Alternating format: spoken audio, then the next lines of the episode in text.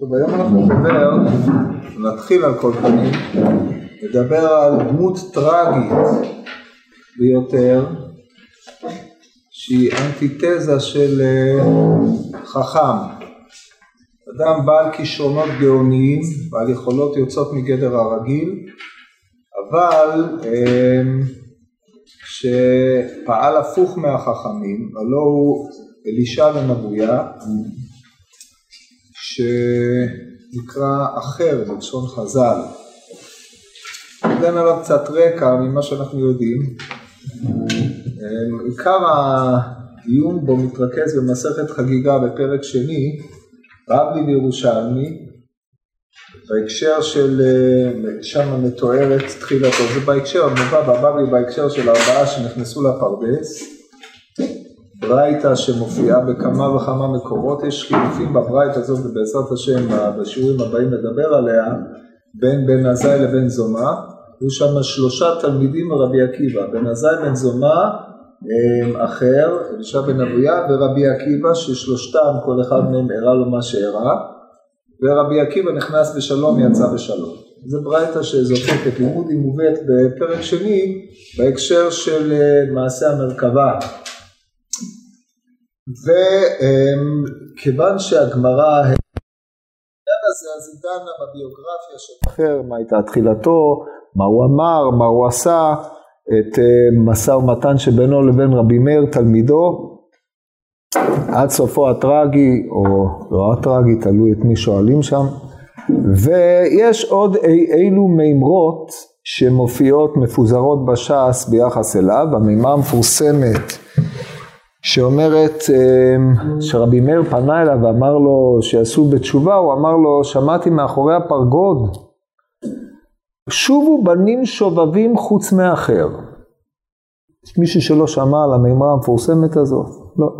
אז אני אתחיל בה, רק כיוון שהיה לי בדיוק, נסעתי עם איזה ידיד והוא רצה לשעשע אותי בדברי תורה אמרתי לו, טוב, הוא אמר לי, בוא נשעשע אותך. אמרתי לו, במה, מה, יכול שיהיה? בדברי תורה. אז אמר לי רעיון מעניין, הוא אמר לי, מה אתה אומר על המימרה? זאת אומרת, זה היה בשביל שאני אענה והוא יגיב, הוא יכול להגיד את מה שהוא רוצה, אז שיחקתי את המשחק. אבל אגב זה, זה עורר אותי לחשוב על אילו עניינים. הוא אומר, מה אתה אומר על המימרה, שובו בנים שובבים חוץ מאחר? אמרתי לו, בוא נראה. הוא שמע מאחורי הפרגוד. איך הוא שמע מאחורי הפרגוד? אומרת הגמורה בברכות בדף י"ח, מעשה בשתי נשמות, מעשה בחסיד אחד שהקניתה אשתו בשני בצורת והלך ללן בבית הקברות, הם מכירים כל ההגדה המפורסמת הזאת, ושם שמע שתי נשמות שזה משוחחות זו עם זו, בוא נלך ונשמע אחורי הפרגוד מה נגזר בעולם. זאת אומרת הדבר הזה הוא שייך לנשמות, לא כל אחד יכול להגיע, שמעתי מאחורי הפרגוד. בפיוט המפורסם שאנחנו אצל אשכנזים, בסליחות, לא בסליחות, בחתן וצורנו סלח לנו יוצרנו שסידרו ביום הכיפורים, שם מופיע הקטע המפורסם שיש עליו את החזנות של קוורטין טירה בישמעאל עצמו, מי שמכיר אותה, זו חזנות אשכנזית, זה לא...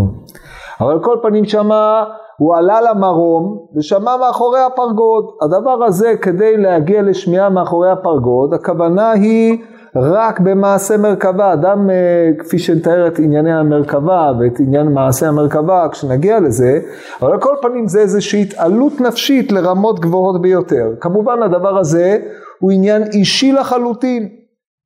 כלומר, אם אני שמעתי מאחורי הפרגוד, אני שמעתי מה שאני שמעתי, אתה לא יכול לשמוע מה שאני שומע. הגיע אחר למדרגה כזאת שהוא שמע מאחורי הפרגוד, שובו בנים שבבים. שובו בנים שבבים, לא צריך לשמוע מאחורי הפרגוד, אני קראתי את זה בירמיהו, כן? זה מפורש בגמרא, וגם כתוב בירמיהו, שובו בנים שובבים, על פעם שובותיכם. אבל הוא שמע מאחורי הפרגוד, שובו בנים שובבים חוץ מאחר. עכשיו, זה עדות שאתה יכול להזימה. ואתה לא יכול להכחיש, אתה, אתה, לא, אי אפשר להוכיח שהוא לא צודק, גם אי אפשר להוכיח שהוא צודק, כי זה סובייקטיבי לחלוטין, מה, איזה ויכוח יש שם? אבל הטענה הזאת נוקבת עד התהום, למה? את זה הוא שמע מאחורי הפרגוד, כי זה תשקיף של החוויה הרוחנית שלו. אדם שמכונה אחר, ודיברו בזה החוקרים, ופה במאמר מוסגר אני חייב לומר שאלישע בן אבויה היא דמות שעסקו בה החוקרים, חוקרי האגדה למיניהם בשנים האחרונות, חוברו על זה ספרים, ספרים על ספרים עם תגובות לספרים הקודמים, זה נידון רחב ביותר, וכדרך חוקרי התלמוד, הם, אה, יש להם בעיה עם האמת ההיסטורית, שאנחנו כמובן לא מתעסקים בה, מפני שמי אנחנו שנדע מה היה שם. החז"ל לא באו לתאר לנו אמת היסטורית, הם לא היסטוריונים. כמו שהעמיד המהר"ל, הם באו להעמיד, לתאר את האמת האנושית, דרך דמויות. ולכן השאלה הריאלית היסטורית לא נתונה לנו, אין, אין לנו דרך לבדוק אותה כמו שאין דרך לחוקר לבדוק אותה, ולכן ההתעסקות בשאלה האם היה או לא היה, כן או לא, היא לא מעניינת בעליל את לומד התלמוד. מפני שכשחז"ל באו לתאר דמות על מרכיביה השונים, הם באו אה, לדבר על המבנה הנפשי המעצב, תלמיד חכם שיצא לתרבות רעה.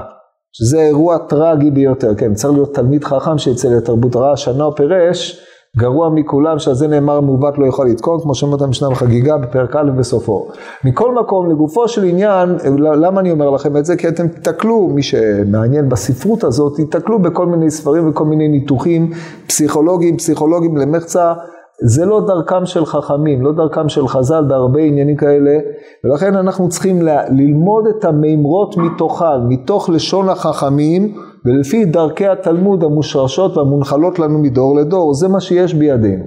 כן, יש אה, רמות שונות, אה, יש אגדת התנאים, אגדת המוראים ודברים כאלה, אבל אנחנו מעוניינים בדמות. לא בפרסונה כשהיא לעצמה, כי היא לא מעניינת אף אחד, היא נקברה, אם, אם הייתה פרסונה כזאת, זה לא מעלה ולא מוריד כלום.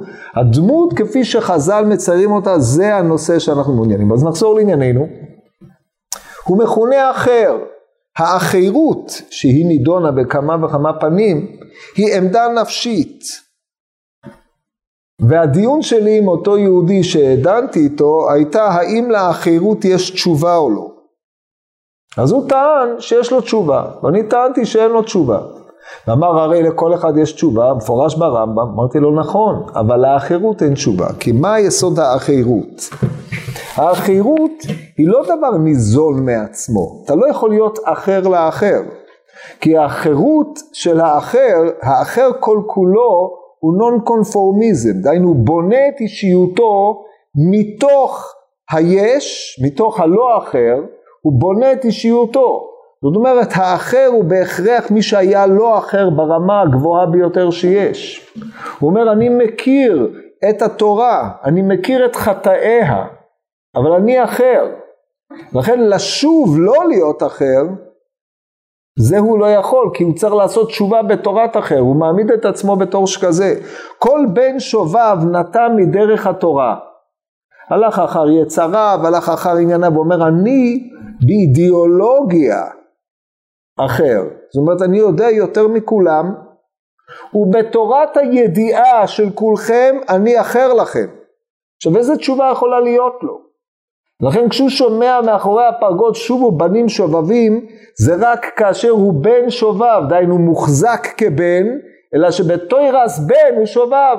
כשיטת רבי מאיר תלמידו, שאף על פי שהם חטאים הם קרויים בנים, כן, הגמרא בקידושין ל"ו הנודעת, ישראל שחטא ישראל שנאמר בנים משחיתים. אבל הוא אחר, גם את הבנאות הוא לא מוכן לקבל, כי הוא אחר לבן שובב בכלל. לכן הוא אומר, לי לא יכולה להיות תשובה. ועל זה סובבים האגדות בשיח שבינו לבין רבי מאיר, וכך דרש רבי עקיבא רבך, כמו שהגמרא בירושלמי שאמרתי לכם לעיין, אם לא עיינתם זה לא נורא כי אנחנו לא נגיע לזה היום, אבל בתיאור של האגדות שמופיעות שם, רבי, הוא שואל את רבי מאיר מה דרשת, אומר רבי מאיר משהו, והוא אומר לא כך דרש רבי עקיבא רבך, וכל הדרשות, דרשת רבי מאיר והתיקון שלו, הם סובבות סביב השאלה האם יש לו תשובה או אין לו תשובה. כאשר הוא הולך עם רבי מאיר והוא צופר את הצעדים עד שמגיעים לחוץ לתחום, אומר עד כאן אתה יכול ללכת ואני יכול לחצות את הגבול. הדיון הוא שהוא יודע איפה הגבול, אבל הגבול הוא לרבי מאיר, הוא לא בשבילו. כי הוא אחר לגבול. זאת אומרת, באופן עקרוני זה דמות שהיא גדולה בתורה מאוד. אנחנו עוד מעט נראה את האגדות של רבי נתן, לאבות רבי נתן שמתארים את תפיסת התורה שלו.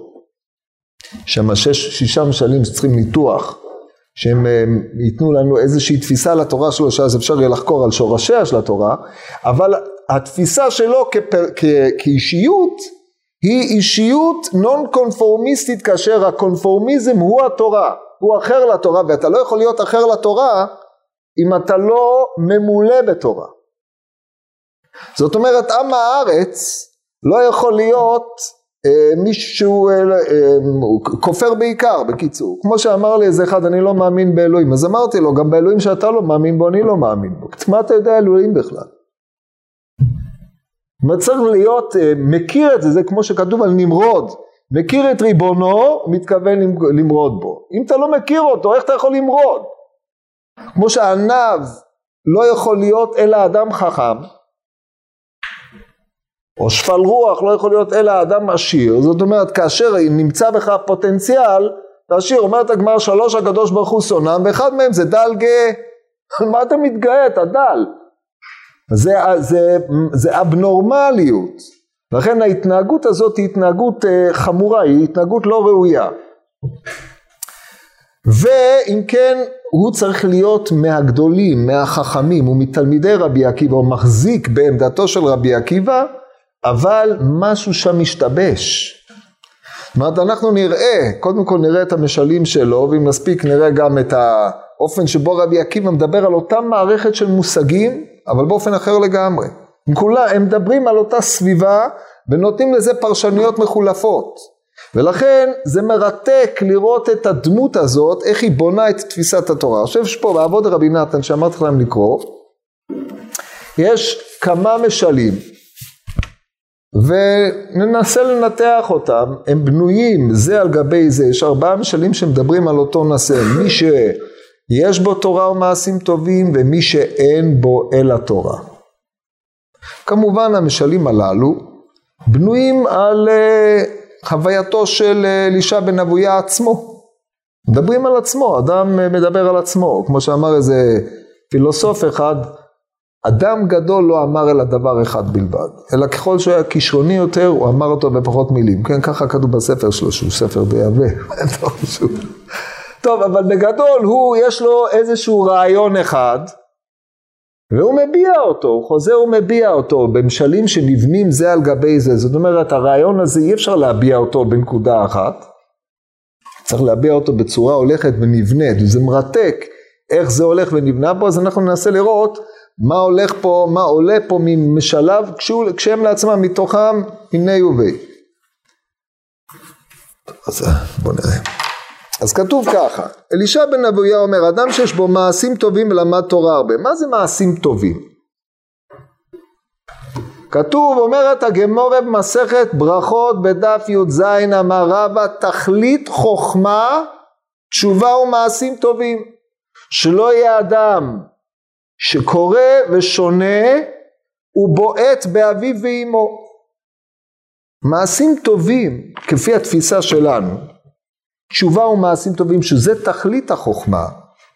זה ומצא חן ושכל טוב בעיני אלוהים ואדם. דהיינו התשובה, שאדם מכיר את המקום שלו, את המעמד שלו, כי עיקרה של התשובה היא איננה תשובה על חטא מסוים זה או אחר, אלא התשובה כדרך חיים.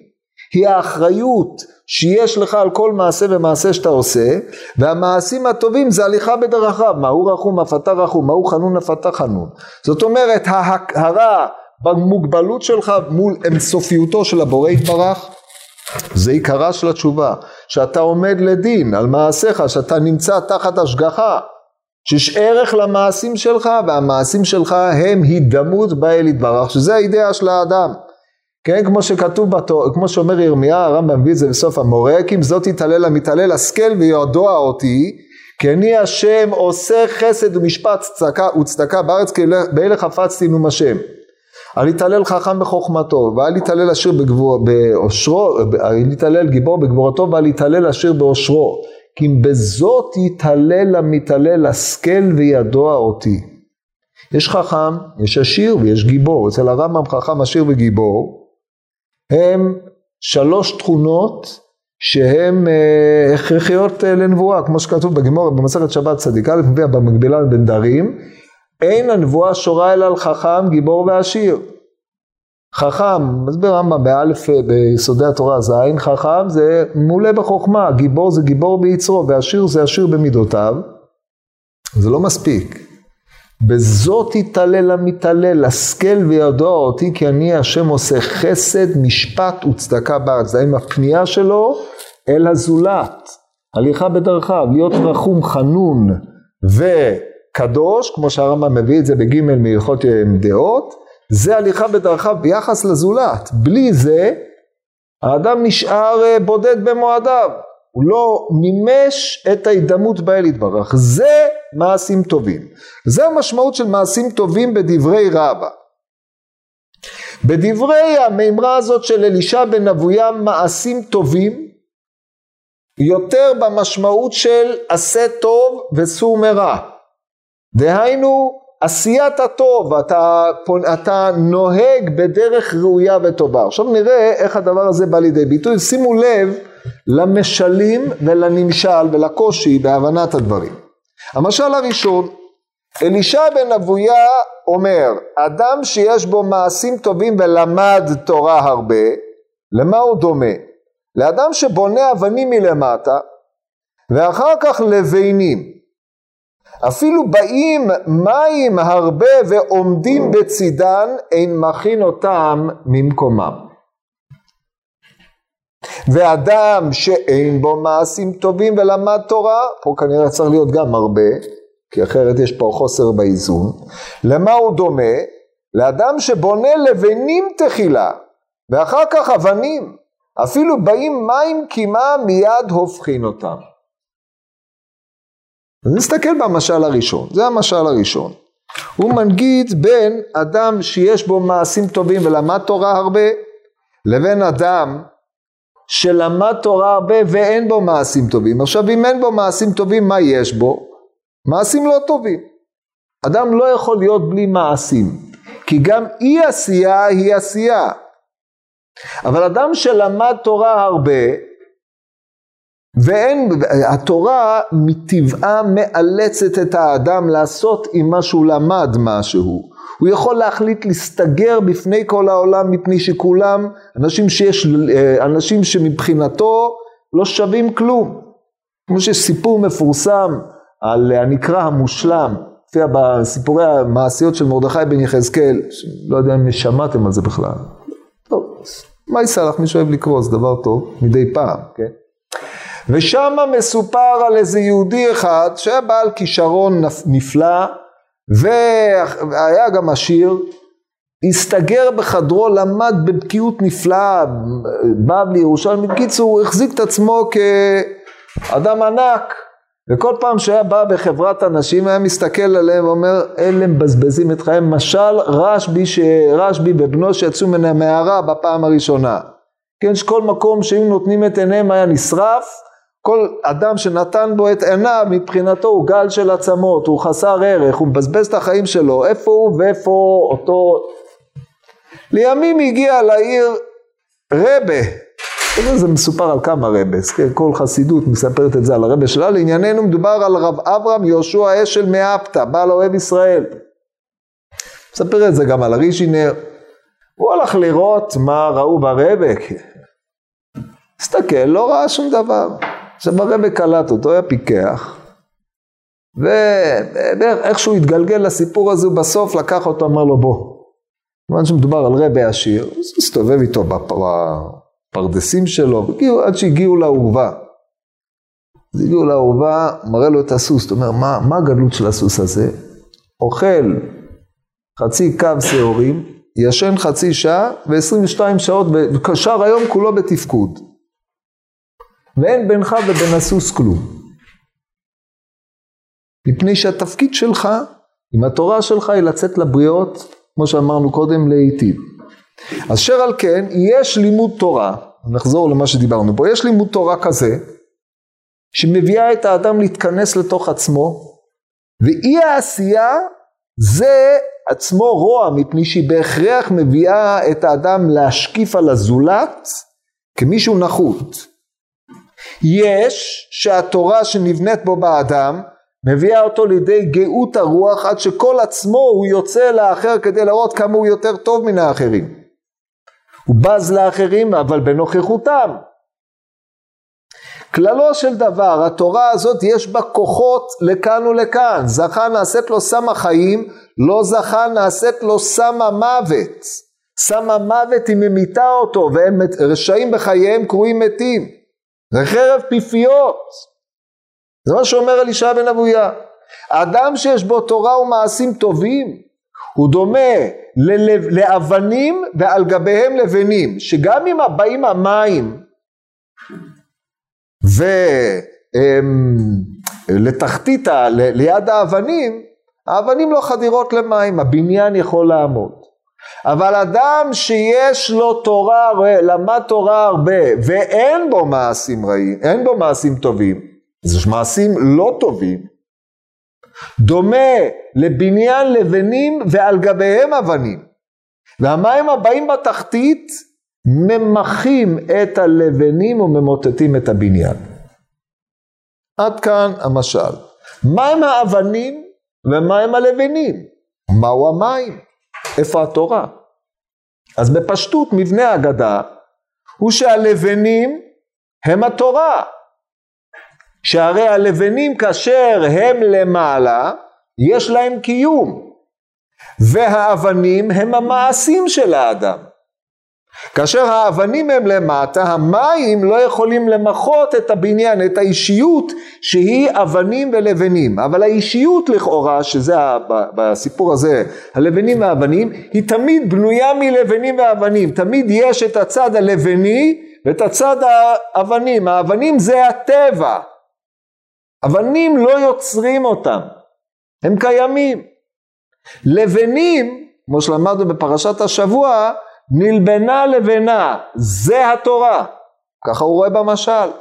והשאלה מה בנוי על גבי מה? האם המעשים בנויים על גבי הלבנים, או שהלבנים בנויים על גבי המעשים? מעשים טובים. איך שלא יהיה, מה שברור אצלו, זה תמיד יבואו שם מים. אם המים, ותמיד יהיו מים בתחתית, המים זה המפגש עם המציאות, המפגש עם החיים. הם תמיד יהיו שם. ותמיד הם פועלים כדי לחדור וחדירתם מזיקה. אז אם אדם אטום למים, ראינו שיש לו מעשים שהם מהווים חוסן מפני השפעת המציאות, אז הבניין יכול לעמוד. הלבנים לא תורמות לעמידה של האדם בפני המציאות כלום, תשימו לב. רק אם הם למעלה, הן יכולות להתקיים, הן העטרה על ראשו של מי שביסודו יש לו אבנים. אבל אם הסדר הוא הפוך, דהיינו, הלבנים הם בתשתית, ועל בסיס הלבנים נבנים האבנים, והאבנים הללו, אם הם נבנים על גבי הלבנים, הם בהכרח רעות. זה אדם שאין לו מעשים טובים. אז כאשר יבוא המפגש של המציאות עם אותם המים, עם אותם הלבנים, הם ממיסים אותם. עכשיו, זו עמדה טרגית ביותר, כן? עמדה נוראה. זאת אומרת, יש הנחה ברורה שלעולם אדם יהיה מותקף על ידי מים, ואם התשתית שלו היא טובה, או, או, או אם התשתית שלו היא טובה הוא עומד, אם היא רעה הוא לא עומד. עכשיו לא אם התשתית שלו היא רעה, אם לא היו מעשים טובים בתחתית הבניין, בישותו, בהווייתו הבסיסית של האדם, הוא לא מסוגל לעמוד, התורה לא משמרת אותו בכלל. יד רבה, היא חדירה למים וממוטטת את הבניין. זה מדהים, זה משל מדהים ביותר ומשונה. פה אנחנו נזכיר מה שמופיע באבות רבי נתן, המשל המפורסם, מופיע בכוח אסור חכמינו של המנוחה, יוכבד סגל עם הפרשנות שלה כמובן. אה, באבות רבי נתן פה פרק ו', על זה הייתה תחילתו של רבי עקיבא, בבחינת אבנים שחקו מים. זה אותם אלמנטים עם מחלוקת עמוקה ביותר בין רבי עקיבא לבין אלישע בן אבויה ביחס בין אבנים ומים. ממש מחלוקת נפלאה שלא נדון עליה עכשיו, אולי בהמשך כשנחזור לראות מה היחס בינו לבין רבי עקיבא. אבל כל פנים זה המשל הראשון. עכשיו, מי אמר לך שהמים תמיד יבואו בתחתית? אבל ככה הוא רואה את הדברים. ואין מנוס האדם מול או מעשים טובים ועל גביהם התורה, או אם אין לו מעשים טובים ביסודו, דהיינו הוא לא טוב ביסודו, כך שהטוב לא נובע ממנו, התורה שנבנית היא תמיד, היא תהיה בתשתית, והמעשים שיבואו יהיו מעל. יש פה איזושהי התבוננות משונה ביותר, אבל זו הטענה שלו. עכשיו, בהגדה, במשל הבא, הוא מתקדם. נראה מה קורה במשל הבא. הוא היה אומר, אדם שיש בו מעשים טובים ולמד תורה הרבה, שימו לב, הרי לכאורה זה לא הסדר, הסדר צריך להיות אדם שלמד תורה הרבה ויש לו מעשים טובים, לא ככה? במה, במה זה תלוי? נחזור, הגמרא במסכת עבודה זרה בדף י"ז אומרת אמר רב הונא, עבודה זרה ודומני ביבמות אמר רב הונא כל, יומא, יומא, אמר כל האומר אין לי אלא תורה, אפילו תורה אין לו. כי תורה בלא מעשים לא מתקיימת כמו שתיארתי לכם קודם. אבל לכאורה המעשים טובים באים אחרי התורה, וטליה בפלוגתא לכאורה. כתוב, נמנו, והיה מחלוקת בין רבי טרפון לבין רבי עקיבא בעליית בית נתזה בלוד, הגמרא בקידושין, בדף מ' המפורסמת, ומופיע במקבילה בירושלמי בעליית בית אריס, כן, ירושלמי חגיגה מופיע, ובעוד אילו מקומות. אמ, מה עדיף, מעשה עדיף או תלמוד עדיף? זה אומר מעשה עדיף, זה אומר תלמוד עדיף, תלמוד עדיף, נמנו וגמרו, תלמוד עדיף תלמוד עדיף שמביא לידי מעשה. שימו לב, תלמוד מביא לידי מעשה. אז ממילא המטבע מעשים טובים בתורה, הוא לא מתיישב, זה היה צריך להיות תורה, ואחרי זה מעשים טובים, שהרי תכלית חוכמה תשובה ומעשים טובים. אלישע בן אבויה שמקדים מעשים טובים לתורה, בהכרח רואה את התשתית האנושית, האדם הוא או טוב או רע. או טוב מטבעו או רע מטבעו. אומרת הגמורה בבבא בתרא ט"ו אמר איוב, בראת צדיקים, בראת רשעים. אם, אם אתה טוב, התורה תיבנה על גבי המעשים הטובים שלך והיא תוכל להתקיים. אם בתשתיתך אין לך מעשים טובים, אתה לא טוב, אז כל המעשים שלך ייבנו על גבי התורה והם יתמוטטו עם כל התורה שלך. זו תפיסה מאוד טרגית, כן, של האדם. היא גם לא תפיסה שאנחנו הורגלנו בה בעניינה של התורה. התורה, כאשר היא באה על ליבו של האדם, אמנם היא מקבילה מעט לזכה, נעשית לו סם החיים, לא זכה, נעשית לו סם המוות, אבל זה דרשו בתורה, כתוב בימינו, איך כתוב שם, אה, משהו בימינו, ועושר והדר בשמאלו, חיים בימינו ומשהו, זה בשמאלו, זכה נעשית לו, שם זכה נעשית לו, לא זכה נעשית לו שם המוות, אף על פי כן, התפיסה שלנו של התורה היא שהתורה ממתקת את האדם, מעדנת אותו, ומי שזכה לתורה, כמו שכתוב בפרק שישי בקניין תורה, מי שזכה לתורה הרבה, יש לו, זוכה להרבה מדרגות, כל המדרגות הללו שרבי מאיר מונה שם. זה התפיסה שלנו של התורה, הוא, התורה אצלו היא מבחוץ, היא לבנים. היא לא ממוזגת עם העצמיות של האדם כפי שמתאר אותה פה. עכשיו נראה את המשל הבא. הוא היה אומר, אדם שיש בו מעשים טובים ולמד תורה הרבה, שימו לב אותו, אותו, עוד פעם אה, אותו סדר, למה הוא דומה לסיד שטוח על גבי לבנים? צריך להיות על גבי אבנים, לא על גבי לבנים, וכן באמת בתיקונים פה זה תוקן. על גבי אבנים אפילו יורדים עליו גשמים אין מזיזים אותו ממקומו. אדם שאין בו מעשים טובים ולמד תורה הרבה דומה לסיד שניתוח על גבי לבנים. אפילו יורד עליו מיעוט גשמים נימוק ונופל. עכשיו פה המשל משתנה קצת. יש לנו שני תיאור של שני מבנים, מבנה אחד שהוא אבנים ועל גביו שכבת סיד. לעומת זאת לבנים ועל גביהם שכבת סיד. גשם ויורד על הקירות האלה והקיר האחד נשאר עומד עם הסיד שעליו מפני שהקיר הוא יציב והקיר השני נימוח כולו. עכשיו שנייה אחת מה התפקיד של התורה בכל העסק הזה? שימו לב שהנמשל של התורה במשל הזה זה שכבת סיד על קיר של אבנים. זאת אומרת, האיצטלה דרבונון שאתה לובש. אומרת הגמורה בשבת, בדף קמ"ה, מפני מה בני בבל מצוינים. מצוינים לא הכוונה מצטיינים, מצוינים, דהיינו יש להם פרק וכפות, כל התפאורה. כלומר, מפני שאינם בני תורה. זה גמרא, זה לא אני אמרתי, מפורש. בקיצור, התורה היא עטיפה חיצונית, שהגשם יכול לשטוף, אבל כאשר הוא שוטף אותה, הוא שוטף את כל, ה, את כל מה שעומד מאחוריה, לא נשאר כלום. רק התורה יכולה להתקיים רק מישהו שהוא עצמו היה אבן מעיקרו. של אבניה ברזל ומהרריה תחצוב נחושת, איך דורשת הגמוריה אל תקריא אבניה, אלא בוניה, אלו תלמידי חכמים שקרויים בנאים. מימר דרבי יוחנן. עכשיו, תלמידי חכמים קרויים בנאים מפני שהתורה בונה. אצל אחר, אצל אלישע בן אבויה, התורה לא בונה, התורה היא מעטה סיד על קיר אבן. כן. מלאך הסיד זה לא להשאיר סיד סוגר, סיד... אתה רואה שלא. תשמע, נניח, למה אתה מסייד קיר? לא, זה מזפת, לא מסייד. מזפתים את הגגות, כן? זה אם אתה רוצה גם להציד, הוא בשביל האסתטיקה. זה נראה יפה.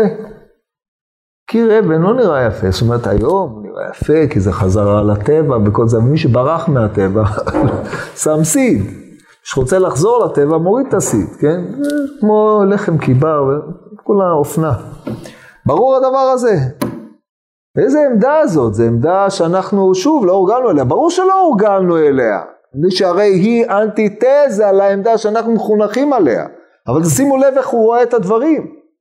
עכשיו, זו ביקורת לא של מישהו שהוא בא מבחוץ, שלא מבין כלום. כמו רוב האנשים שמי שלא נגע תורה בליבם הם לא יכולים לבקר באמת, הם סתם מאפיינים מבחוץ, בבחינת אנתרופולוגיה של הספה. מי שיודע על מה אני מדבר. אבל פה זה מישהו שגדל בפנים, יודע היטב את עולם התורה, היה מאלה שנכנסו לפרדס. וככה הוא מתאר את התורה, והתיאור הזה הוא תיאור ש... תיאור טרגי למעשה. נראה את המשל השלישי. טוב, עד כאן המים הם או תוקפים מלמטה, או שיורדים מלמעלה. זאת אומרת, ישנם פה שני אופנים שבו האדם עומד מול התקפה. זה כמעט בלתי נמנע שיהיו מים. תמיד יש. באיזשהו שלב יהיו. המים יבואו וישטפו. או הגשם ירד. עכשיו הגשם היורד היא ברכה, אבל היא ברכה רק באיזשהו מקום, היא ברכה אבל היא גם ברור. ומה שיורד מלמעלה מברר מי באמת, מי אותנטי ומי חלול, מי מזויף. אבל הוא אומר, אתה לא יכול להאשים את המזויף מפני שהוא מעולם לא היו בו, הוא לא בנוי אבן. הוא יצר מעצמו, אדם שיוצר מעצמו הוא תמיד יוצר לבנים, הלבנים לא עמידות בפני מאורעות העולם, וגם אם מעטה הסיד הזה, זה לא עוזר כלום. טוב, עכשיו נעבור למשל השלישי. כן. הוא היה אומר, אדם שיש בו מעשים טובים ולמד תורה הרבה. דומה לכוס שיש בו פסיפס או פספס, שכיוון שמניח אותו מידו אף על פי שנהפך על צידו אין נשפך כל מה שיש בו. ואדם שאין בו מעשים טובים ולמד תורה הרבה, דומה לכוס שאין בו פספס, פסיפס. שכיוון שהניח אותו מידו נהפך על צידו ונשפך כל מה שיש בו. טוב, משל שלישי. פה אנחנו עזבנו את תורת האבנים, שכמו שאתה ראיתם קודם, האבנים והתורה יכולים להתחלף זה עם זה. הוא אומר, עכשיו אנחנו מדברים על כוס שיש לה פסיפס, נחלקו החכמים מה זה פסיפס, פספס. על כל פנים די ברור שזה סוג של מכסה. כוס שיש לה פסיפס, גם היא מתהפכת, שומרת על התכולה שלה, על המים שבתוכה. פה המים הם כבר בתוך הכוס. כוס שאין לה פסיפס, כשהיא מתהפכת, הכל נשפך. עכשיו, מה המשל? יש לנו שוב, אדם שיש בו מעשים טובים ותורה. מה בעצם נשפך? מה, מה המים פה? די ברור שהמים הם התורה. הפסיפס זה המעשים טובים. היעדר הפסיפס זה אדם שאין בו מעשים טובים. ואם כן, הטענה היא כזאת, אדם שיש בו מעשים טובים, המעשים טובים משמרים את התורה שבקרבו. התורה היא מים. היא לא הופכת להיות חלק מעיצוב האישיות של האדם. היא תוספת, היא, היא ממלאת את התכולה, היא ממלאת אותו. האדם הוא כוס, הוא כלי שמתמלא. אבל אין זיקה פנימית עצמית בין הכלי לבין האור שבכלי. אין חדירה שבמונחים הפנימיים של האור של הכלי לתוך הדפנות. הם נמצאים זה ליד זה כמו המשל הפילוסופי המפורסם כחיילים בסוס הטרויאני, למי ששמע על המשל הזה, כן? מי שלא, לא נורא, לא, לא הפסיד. אבל אין זיקה ביניהם, תפקידו של האדם הוא למלא את הכלי, הכלי עומד להתמלא. ומה התכלית של כלי מלא? שיהיה מלא. הוא ממלא, הוא ממלא, והתפקיד שלו שיהיה מלא. המעשים טובים שומרים על מילויו של הכלי. אבל אם אין בו מעשים טובים, הכלי הזה הוא לא שמור. עכשיו פה מגיעה הנחה נוספת, לעולם הכלי יתהפך. הוא יתהפך באיזשהו מקום, חייב להיות. אין מצב שהוא לא יתהפך, היא תמיד הוא ייתקל באירוע שיטלטל אותו ויזעזע אותו. זה טבע החיים, טבע העולם. הרי דוד המלך, כבר אמרתי לכם את זה, אמר גם כי אלך בגיא צלמוות לא ירערה כי אתה עמדי. הוא לא ביקש לא ללכת בגיא צלמוות, ההנחה היא שהוא ילך בגיא צלמוות. האדם עובר טלטלות בחיים, עולה עליות וירידות, החיים הללו הם כמו סערה, כמו גל סינוס. ואף על פי כן, איפה, ה... האם הוא משמר את מה שיש בקרבו לא, אבל מה שמעניין, התורה לא משמרת אותו, כמו שאמרנו, ראינו את זה במשלים הקודמים. לכל היותר, הוא על מעשיו הטובים יכולים לשמר את התורה שהוא עצר. אם הוא לא שומר, אין, אין בו מעשים טובים, התורה לא תישמר בו. עכשיו פה המעשים טובים המשמרים את התורה או לא משמרים את התורה, בהמשך אנחנו נראה שהם יותר קשורים לשינון ודברים מעין אלה, שהם פעולות שאדם עושה כדי לשמר את התורה. אבל בשלב זה, לפי המבנה של המשל, כלי שמתרוקן ממעשים טובים, או מה שאנחנו קוראים כלי שהיו בו, כלי שנתרוקן מתורה, כלי שהיו בו, בו מים ונשפך ונתרוקן, זה טרגדיה. זה אדם שאיבד את חייו לחלוטין. כלי שמעולם לא נתמלא, בסדר, לא נתמלא, אז מה קרה? כלום. אבל כלי שהיה מלא ונתרוקן בבחינת מה שנאמר, דבש מצאת אכול דייקה פן תשבענו והכתו. כך אומר החכם במשלי. מה משמעם של הדברים? לא זו בלבד, ככה מסביר הרמב"ם המורה, לא זו בלבד שמה שאכלת, מה שהכנסת, הוצאת, אלא הכית, גם הוצאת הרבה יותר מזה, לא נשאר בך כלום. אשר על כן, היעדר המעשים טובים בהכרח יביא לידי כך שהכלי שלך יתרוקן, יישפך, ושפיכת התורה שבך היא טרגדיה לעצמו של האדם. טוב, עכשיו המשל הרביעי. פה עוד יותר, או-הו איזה משל, תראו איך אנחנו מתקדמים. זה משל, וואי וואי. הוא היה אומר, אדם שיש בו מעשים טובים ולמד תורה הרבה, דומה לסוס שיש בו, פה הגרסה היא לא מדויקת, פה כתוב כלים נעים, אבל uh, הגרסה, מה שאני זוכר זה קרונוס או משהו כזה. Uh, כן, פה, בקיצור, ככה צריך להיות אצל שכטר בנוסח א' זה קרונוס. כן. בקיצור יש לו קרונוס, רסן. סוס שיש לו קרונוס. אמ, רגע נמצא את המקום.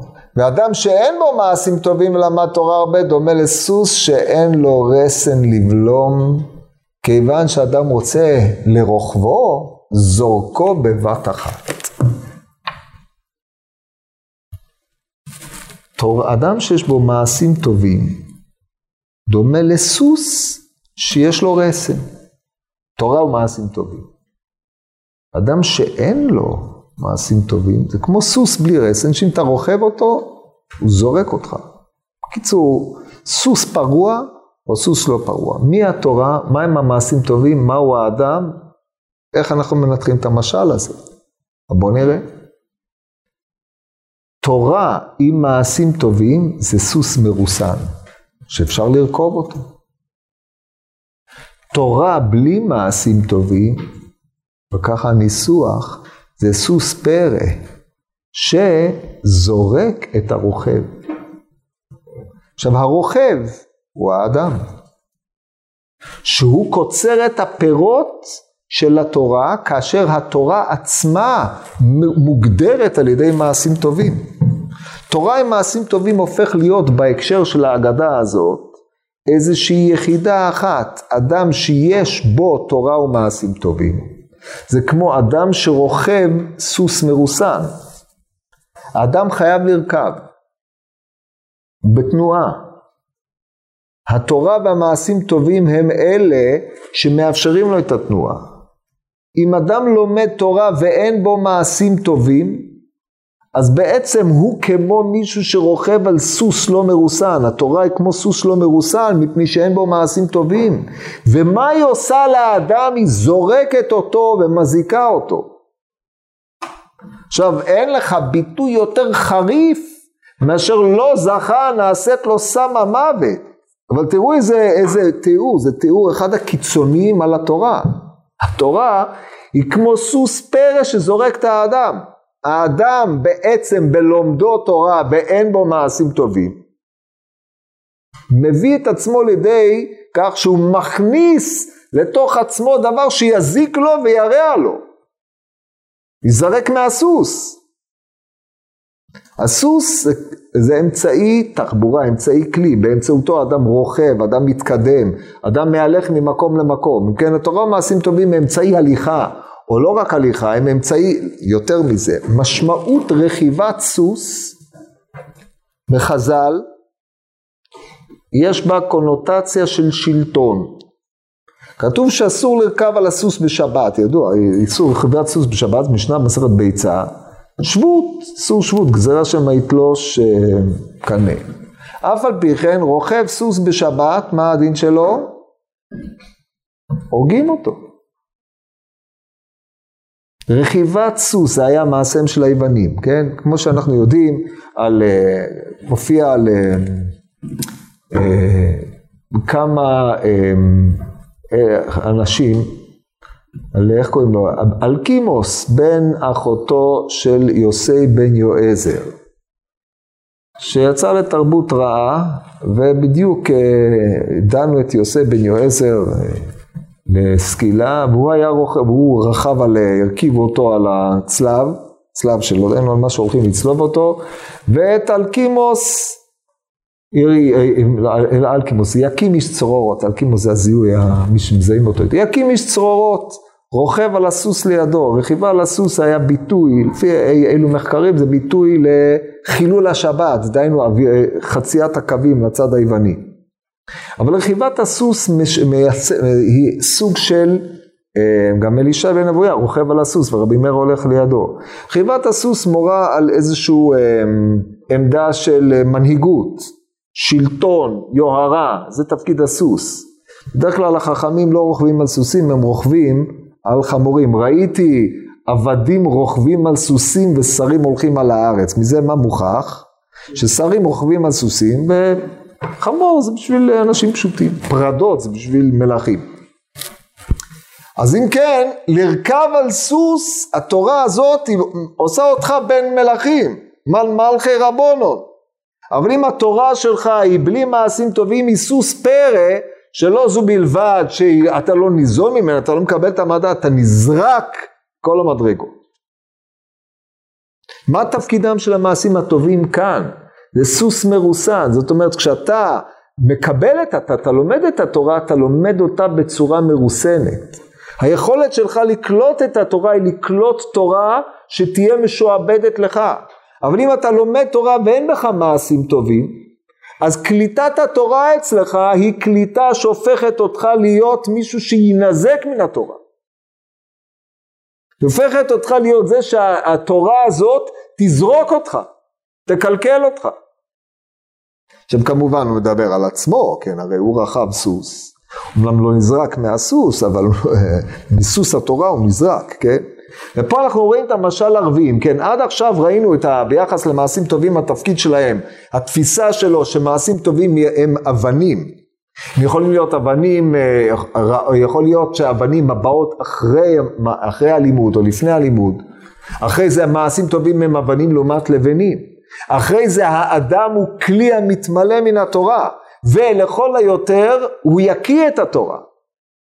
ופה מתברר עוד יותר, לא זו בלבד שהתורה לא תישאר בו והריקנות היא העונש שלו, פה התורה תזיק לו כי אדם שעשו זורקו בבת ראש נחבל, מוכה, מושפל, נזרק מהמלכות, מהשרות שהייתה יכולה להיות לו, השררה שהייתה יכולה להיות מבחינת מלכי רבנן.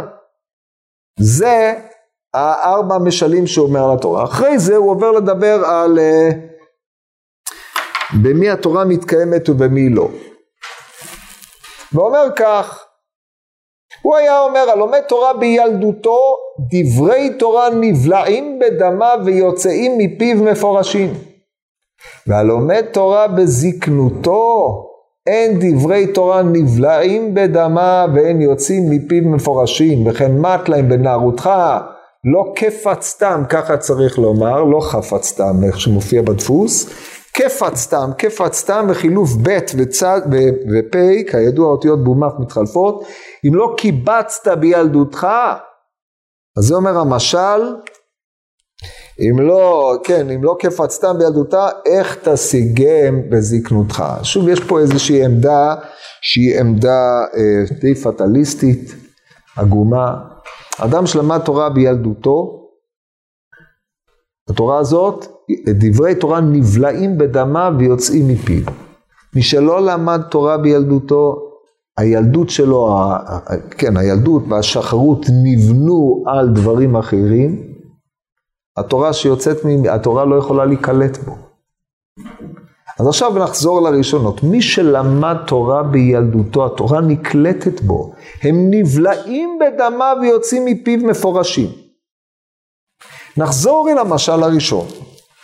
האם לטענתו שלו דברי התורה של אדם שאין בו מעשים טובים ולמד תורה בילדותו, נבלעו בו או לא נבלעו בו? הרי אם הם לא נבלעו בו ולא יצאו מפיו מפורשים, לא יכול להיות שהוא כלי שהמים נשפכו ממנו, כי לא, לא, המים מעולם לא נכנסים בו לכתחילה. זאת אומרת, המשל הבא, הוא בא לומר לך, הוא לא בא לומר שאדם אה, אדם שלומד תורה בילדותו, לא יבלעו דברי תורה בפיו. אבל לפי מה שהסברנו קודם, אף על פי שנבלעו דברי תורה בפיו, הם לא ערובה, והם יוצאים מפיו מפורשים, הם לא ערובה להיותו אדם יציב, או היותו אדם שמתקיים מול שערות העולם הזה, או היותו אדם שבסוף דברי התורה שיצאו בפיו וימשיכו לצאת בפיו גם אחרי שיצא לתרבות רעה וספרי מינים ישרו בחיקו, עדיין התורה, דברי התורה יצאו בפיו כי הם נבלעו בדמו, אבל הוא, הוא אישיות אחרת, אישיות מקולקלת, אישיות שנזרקה מהסוס. זאת אומרת, פה הוא בא, בניגוד להרבה מפרשים שלא הסבירו כך, לפי הבנתי, הוא לא טוען על עצמו שהוא לא למד תורה בילדותו, ולכן דברי התורה לא נובעים מפיו, כי הוא שלט שליטה ללא מצרים בתורה. אבל השליטה ללא מצרים בתורה המשיכה גם אחרי שהוא יצא לתרבות רעה, כן? כי אצלו המסד, לפי מה שהוא טוען, המסד היה רעוע, נבנה בלא מעשים טובים. זו התפיסה שלו, ובפעם הבאה נמשיך אה, לנתח את הדברים.